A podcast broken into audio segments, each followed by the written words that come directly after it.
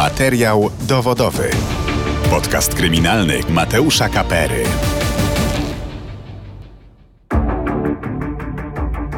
Dzień dobry. W kolejnym odcinku zajmiemy się sprawą tajemniczego zaginięcia Piotra Pietrzaka.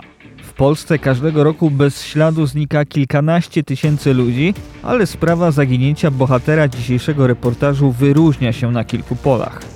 Piotr to 30-paroletni mąż Olgi i ojciec 8-letniej Julii. Rodzina mieszka w Sochaczewie niedaleko Warszawy i żyje jak każda inna rodzina. Nie mają wielkich kłopotów, przynajmniej tych materialnych, mieszkają bowiem w przestronnym domu oddziedziczonym po dziadkach, mają swój mały biznes, którym jest uprawa wiśni. Co prawda w dniu zaginięcia Piotr szuka nowej pracy, ale jak mówi mi w rozmowie jego żona Olga, a także mama Agnieszka, Piotr po prostu chciał znaleźć nowe zajęcie, które nie ograniczałoby mu kontaktów z córką. Mimo tego, że w życiu Pietrzaków nie dzieje się nic wyjątkowego, Piotr nagle znika. Nikt nie wie dlaczego, a po kilku dniach policja odnajduje nadpalony samochód mężczyzny z gotówką w środku. Czy Piotr został zamordowany? Czy popełnił samobójstwo? A może po prostu samowolnie opuścił rodzinę? Na te pytania spróbujemy odpowiedzieć w reportażu, który za chwilę usłyszycie. Przypominam tylko, że wszystkie odcinki podcastu dostępne są na kanale Radia Z w serwisie YouTube i na player radioz.pl, a także na platformach streamingowych Spotify, Apple Podcast i Google Podcast. Oceniajcie, komentujcie i zgłaszajcie nam sprawy, o których chcielibyście usłyszeć w kolejnych odcinkach. A teraz zapraszam już na reportaż o zaginięciu Piotra Pietrzaka. Materiał dowodowy. Podcast kryminalny Mateusza Kapery.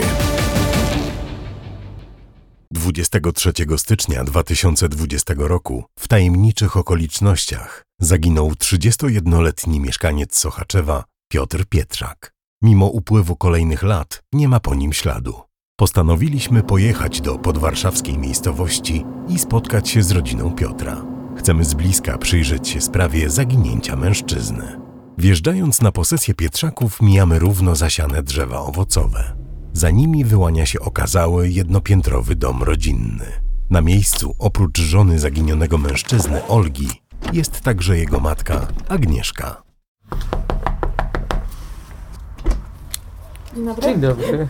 Proszę, proszę. Dobrze trafiłem, tak? Tak, tak, Dzień proszę. dobry. Proszę, proszę. Dziękuję. Dzień Dzień dobry. dobry, proszę, zapraszamy.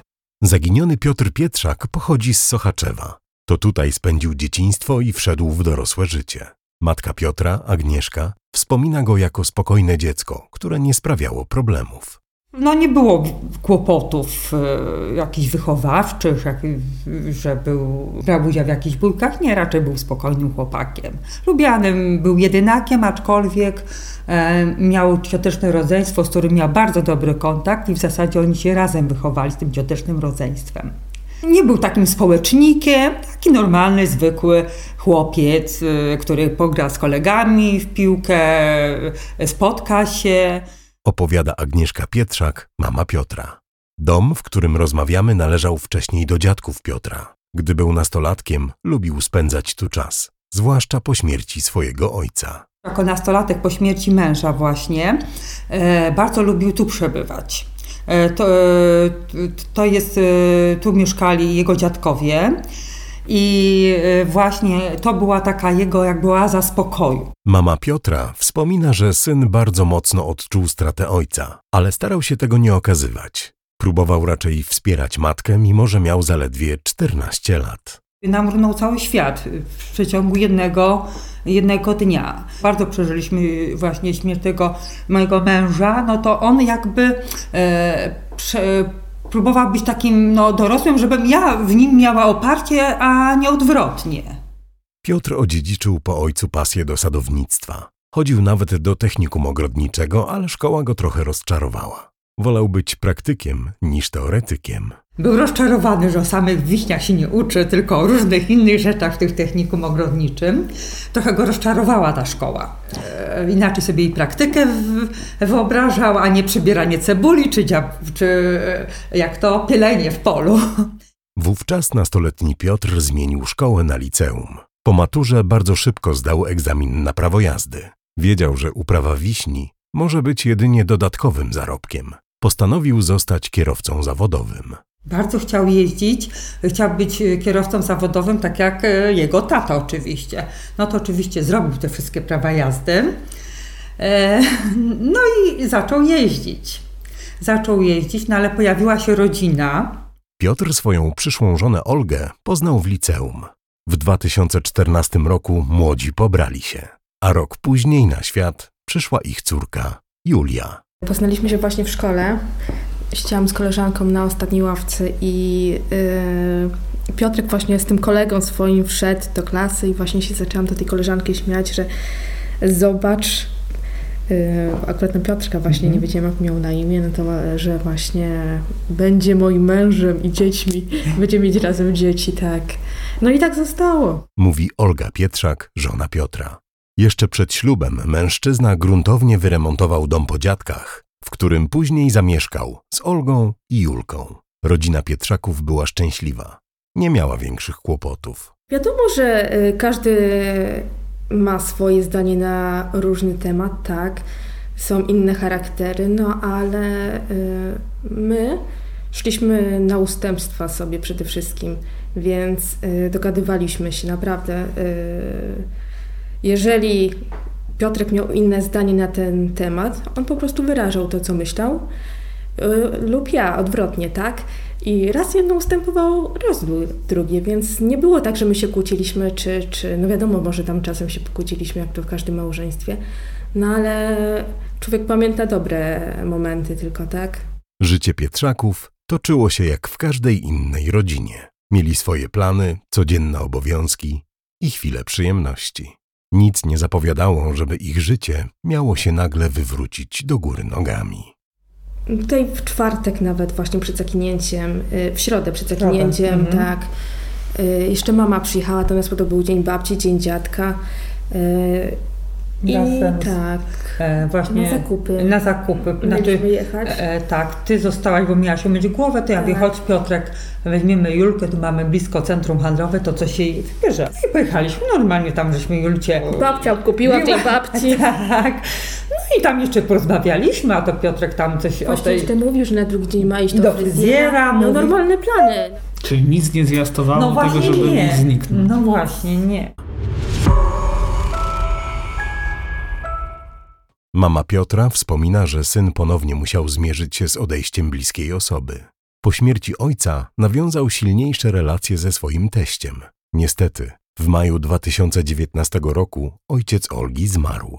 I jak właśnie poznał tatę Oli, to bardzo mm, się zbliżyli bardzo się zbliżyli, robili, wykonywali dużo razem czynności. Zauważyłam, że on w końcu się ucieszył, że ma e, tatę. Znowu. Że ma tatę znowu. I co się dzieje? Tata Oli zachorował. Zachorował i znów Piotrek e, bardzo to przeżył. Przeżył bardzo śmierć. Bardzo, naprawdę, jak ja go zobaczyłam, nie zdawałam sobie z tego e, sprawy, powiem szczerze. E, jak ja go zobaczyłam nad tym grobem e, właśnie taty Oli, wie Boże kochany, naprawdę. Piotr zmagał się także z problemami zawodowymi. Jak twierdzi rodzina, nie były to jednak poważne kłopoty. Mężczyzna szukał odpowiedniej pracy, która pozwalałaby mu widywać się częściej z córką. Tą pracą był y, tak, że no on y, na początku małżeństwa jeździł i właśnie to były takie wyjazdy, wie pan, kilkudniowe, tygodniowe. I y, no jem, mówi, mama, tak nie może być, bo Julka mnie nie poznaje.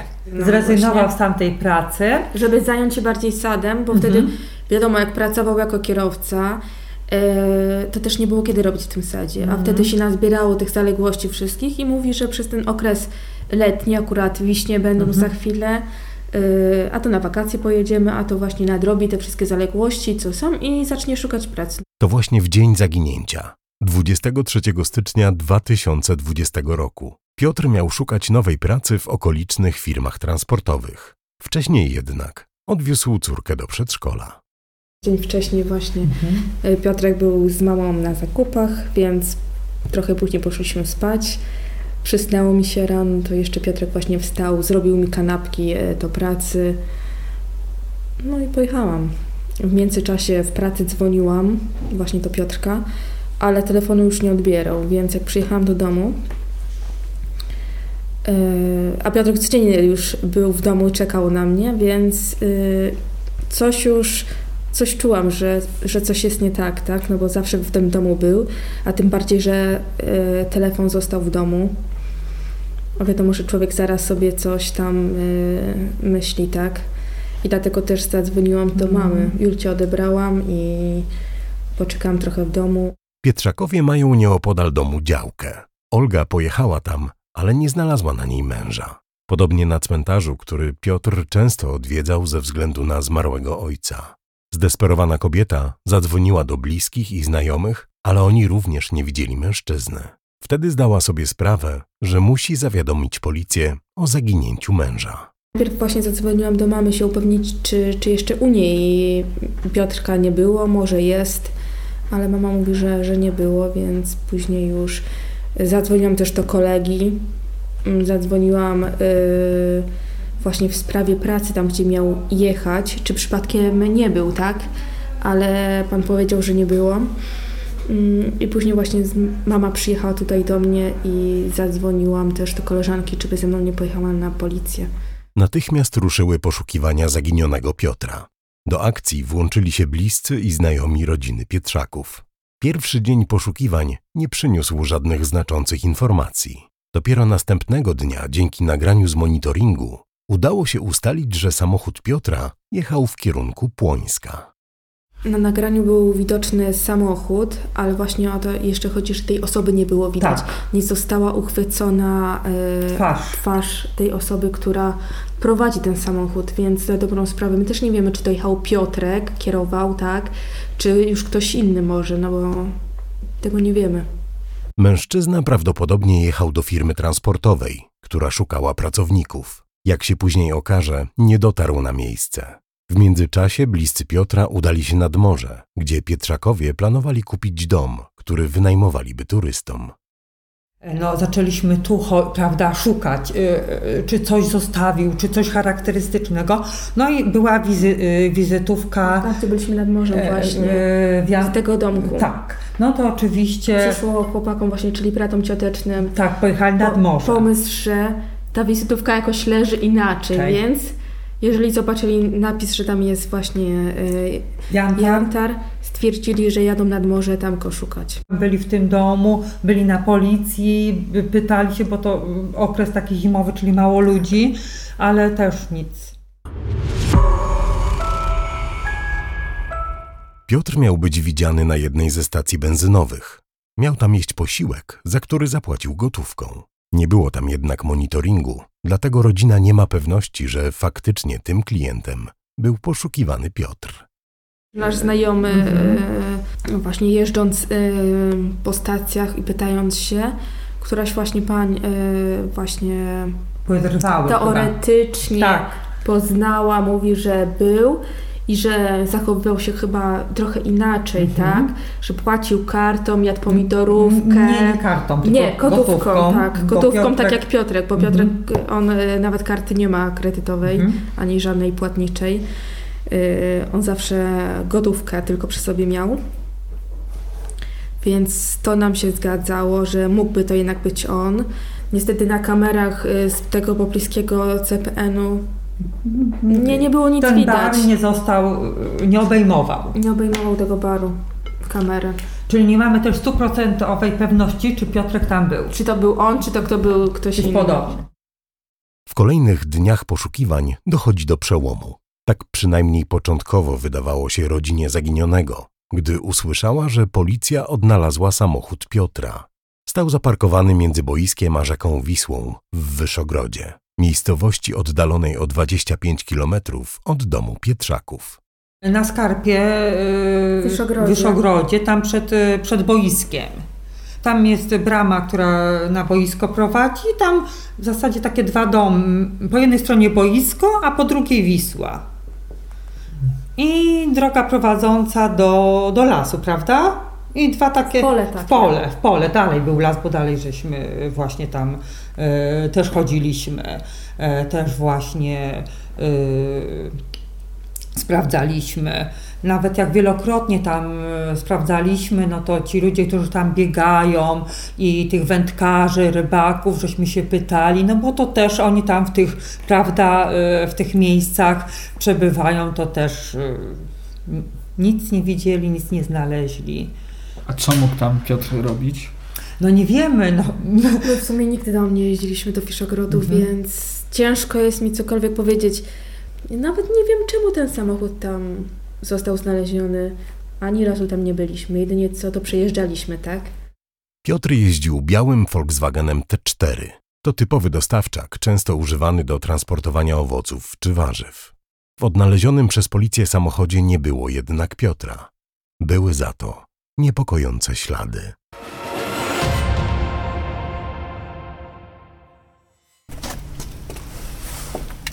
Czyli to jest ten samochód, tak? Tak. I ten samochód właśnie odnaleziono y, przy stadionie Wyszegrodzie. I Było co- wszystko nadpalone.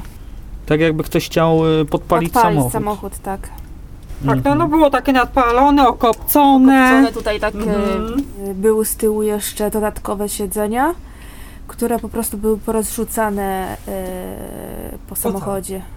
E, I z przodu y, samochodu była ta mm, Kartka. kosmetyczka, tak? Była apteczka. Apteczka. Apteczka była schowana w Oku. O, otwarty jest? Otwarty. O, tak jak teraz jest apteczka, to tak samo było W schowku schowane. tutaj przy, O, tak, przy pa- tak, miejscu dla tak, pasażera. Tak, tak, tak. W apteczce były Apteczce, pieniądze. okej. Czy ktoś chciał spalić samochód? Zatrzeć ślady? Jeżeli chciał to zrobić Piotr, dlaczego zostawił sporą ilość gotówki w apteczce samochodowej? Samochód Piotra mm, faktycznie został znaleziony mm, niedaleko Wisły przy stadionie w Wyszogrodzie. Mówi Bartosz Weremczuk, detektyw wynajęty przez rodzinę zaginionego. Ktoś próbował jednak nieudolnie podpalić e, ten samochód, gdyż e, próbował go podpalić w, w miejscu, gdzie znajduje się wlew do e, bak do paliwa. E, No jednak, jednak mm, była to osoba, która albo nie do końca wiedziała, jak należy to zrobić, albo pozorowała tylko e, to, że ten samochód miał być podpalony. I tak naprawdę do tej chwili nie wiemy, czy to zrobił sam Piotr, czy, czy osoby trzecie, e, czy zupełnie nawet ktoś przypadkowy, kto po prostu zobaczył, że ten samochód tam stoi.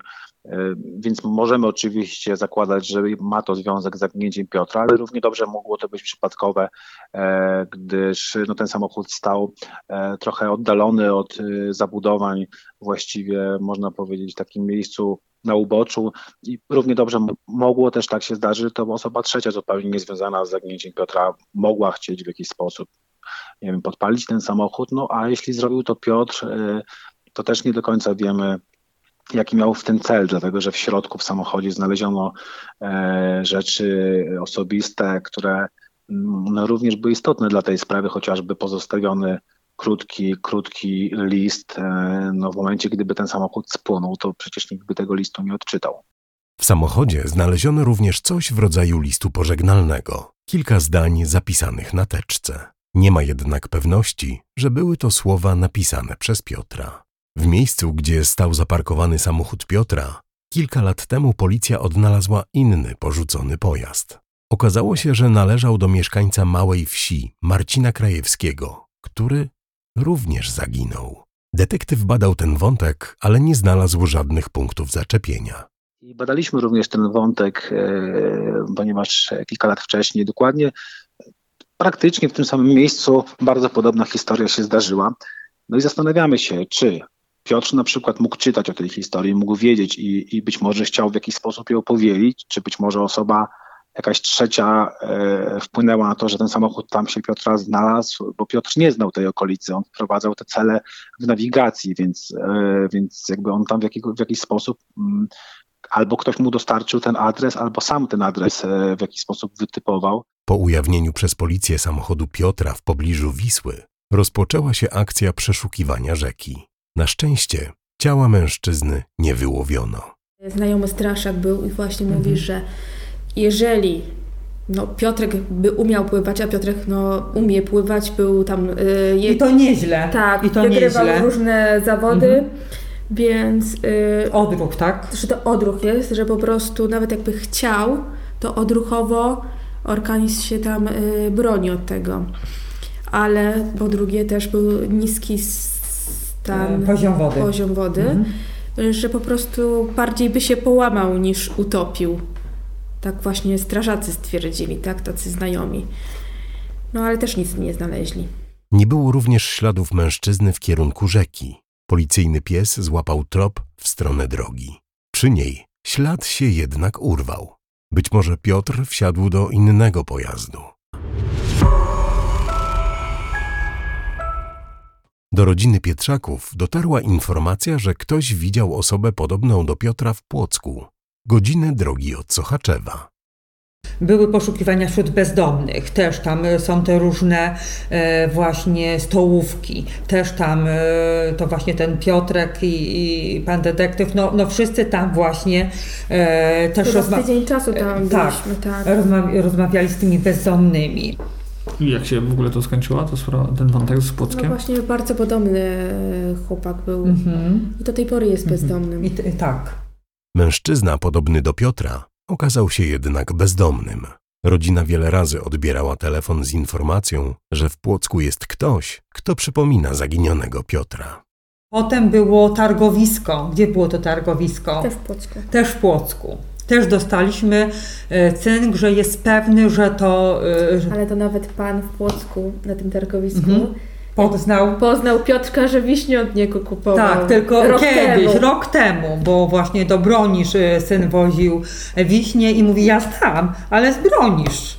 Dzięki zabezpieczonej nawigacji samochodowej Piotra udało się ustalić kilka adresów, które mężczyzna wyszukiwał. Zastanawiająca była niemiecka miejscowość. Nie wiadomo jednak, dlaczego wpisał te lokacje. Mama Piotra postanowiła dowiedzieć się tego i pojechała do Niemiec. Policja sprawdziła, potem pan e, Bartosz też sprawdził, no a potem ja jako taki, no... No, nieraz tak mam, że jak czegoś sama, to mówię, no, no niemożliwe. No to więc właśnie tam mam znajomego w Niemczech, razem z siostrą żeśmy pojechały i no mówię tak, żeśmy tam kilka dni spędziły i co było w naszej mocy, to żeśmy e, robiły właśnie. I właśnie też e, zgłoszenie na policję, wtedy to się okazało, że e, nie był na terenie Niemiec e, poszukiwany. Jeżeli by jakieś wykroczenie zrobił, czy jakieś przekroczenie prędkości, to też by był tam odnotowany. No ale nic takiego nie, do dzisiejszego dnia e, nie, nie było żadnego odzewu właśnie, że, e, że jest, e, że, że jakieś tam wykroczenie zrobił, czy, czy mandat zapłacił, nie. Od zaginięcia mijają kolejne lata, a śladu po Piotrze jak nie było, tak nie ma. Nikt nie domyśla się, co mogło stać się z mężczyzną. Według detektywa Bartosza Wyremczuka sprawa zaginięcia Piotra jest bardzo tajemnicza. Nie wyklucza żadnego rozwiązania sprawy. Tak naprawdę do tej pory zakładamy kilka tych wersji, bo każda jest tak samo bardzo prawdopodobna. Zarówno to, że Piotr e, postanowił, postanowił porzucić rodzinę i z, e, oddalić się, jak również tak, w której Piotr e, być może e, no, stracił być może w jakiś sposób panowanie nad własnym, nad własnym e, e, organizmem w zakresie, tutaj myślę, mam na myśli, mam na myśli kwestię choroby, w której, której być może nie wie kim jest, być może do tej pory gdzieś się błąka, prawda, aczkolwiek jest to mało prawdopodobne, że, że, że błąkałby gdzieś w okolicy domu, bo po takim czasie zostałby odnaleziony. Trzeba też brać pod uwagę kwestię samobójstwa, jednak też do tej pory ciała nie znaleziono, e, ewentualnie e, tego, że ktoś, ktoś trzeci przyczynił się do zaginięcia Piotra, więc wszystkie te wersje są tak samo prawdopodobne, gdyż żadna z nich nie została zaprzeczona do, do dnia dzisiejszego. Rodzina szukała pomocy u jasnowidza. Według niego Piotr żyje i ma wrócić do domu. Ta wizja dodała otuchy Oldze. Twierdził, Mhm. że, y, że on żyje, Mhm. że miał jakieś spotkanie, Nie wyszło. y, właśnie y, na które miał coś, jakiś interes, Tak. coś kupić, Mhm. ale te spotkanie coś nie wyszło, no i że ma wrócić do domu. To człowiek wiadomo, od razu inaczej myśli, tak. Całą noc żeśmy czekały. Całą noc czekałyśmy, każde puknięcie, stuknięcie, to już w oknie byłyśmy. No ale no, ranek przyszedł i Nic. Przyjaciele Piotra założyli stronę internetową o zaginionym. Informują na niej o nagrodzie o wysokości 50 tysięcy złotych dla osoby, która wskaże miejsce pobytu zaginionego Piotra. Olga w końcu powiedziała córce, że jej tata zaginął. Ośmioletnia Julia nie zapomniała o swoim ojcu. Cały czas czeka na jego powrót. Córka wie, że tata zaginął, tak? Córka wie, że szukamy taty, e, ale... Wspomina cały czas. Wspomina cały czas, tak. E, zdjęcia oglądamy. Mm, Ostatnio właśnie też cały czas słucha piosenek i babcia, mama, to jest taty piosenka. E, Słyszałaś tą piosenkę? No cały czas e, wspomina tatę. Kolejne lata w niepewności i strachu wiele kosztują bliskich mężczyzny. Jest Pani przygotowana na, na każdy rozwój wydarzeń? Szczerze, to jestem przygotowana tylko na jedno, że się odnajdzie. Oczywiście żywy, tak?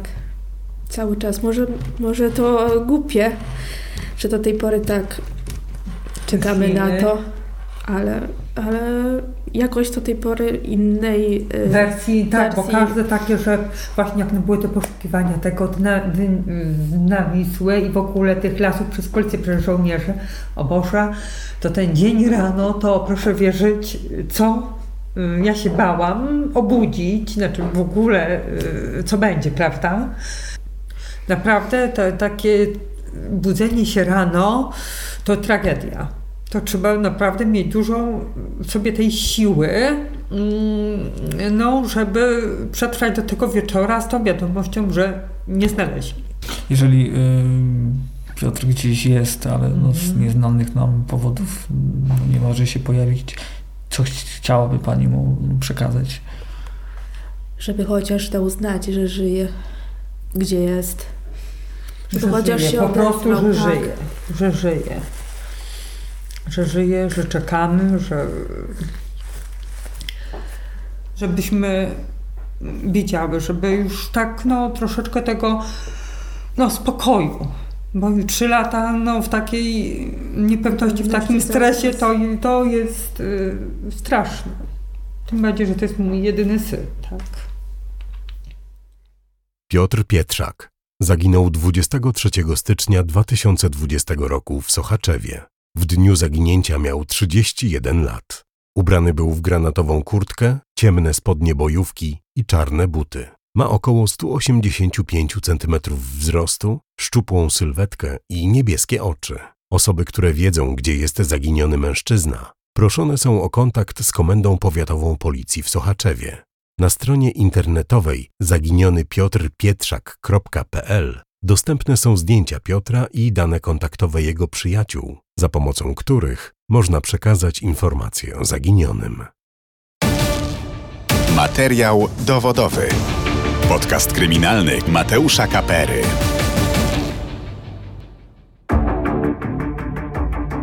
W momencie publikacji tego odcinka Piotr Pietrzak nie wrócił do domu od ponad trzech lat. Rodzina cały czas wierzy, że wkrótce ponownie zobaczy ukochanego męża, ojca i syna. Jak wspomnieliśmy pod koniec reportażu, wszystkie osoby, które wiedzą gdzie jest lub co się może dziać z poszukiwanym Piotrem Pietrzakiem, proszone są o kontakt z policją w Sochaczewie lub przyjaciółmi mężczyzny. Dane kontaktowe dostępne są na stronie internetowej zaginionypiotrpietrzak.pl. Tam również są zdjęcia poszukiwanego. Na dziś to wszystko. To był podcast Kryminalny Radia Z Materiał Dowodowy. Ja się nazywam Mateusz Kapera. Dziękuję i zapraszam za dwa tygodnie na kolejny odcinek podcastu. Materiał dowodowy. Wszystkie odcinki naszego podcastu kryminalnego znajdziesz na player radioz.pl i na najważniejszych platformach streamingowych.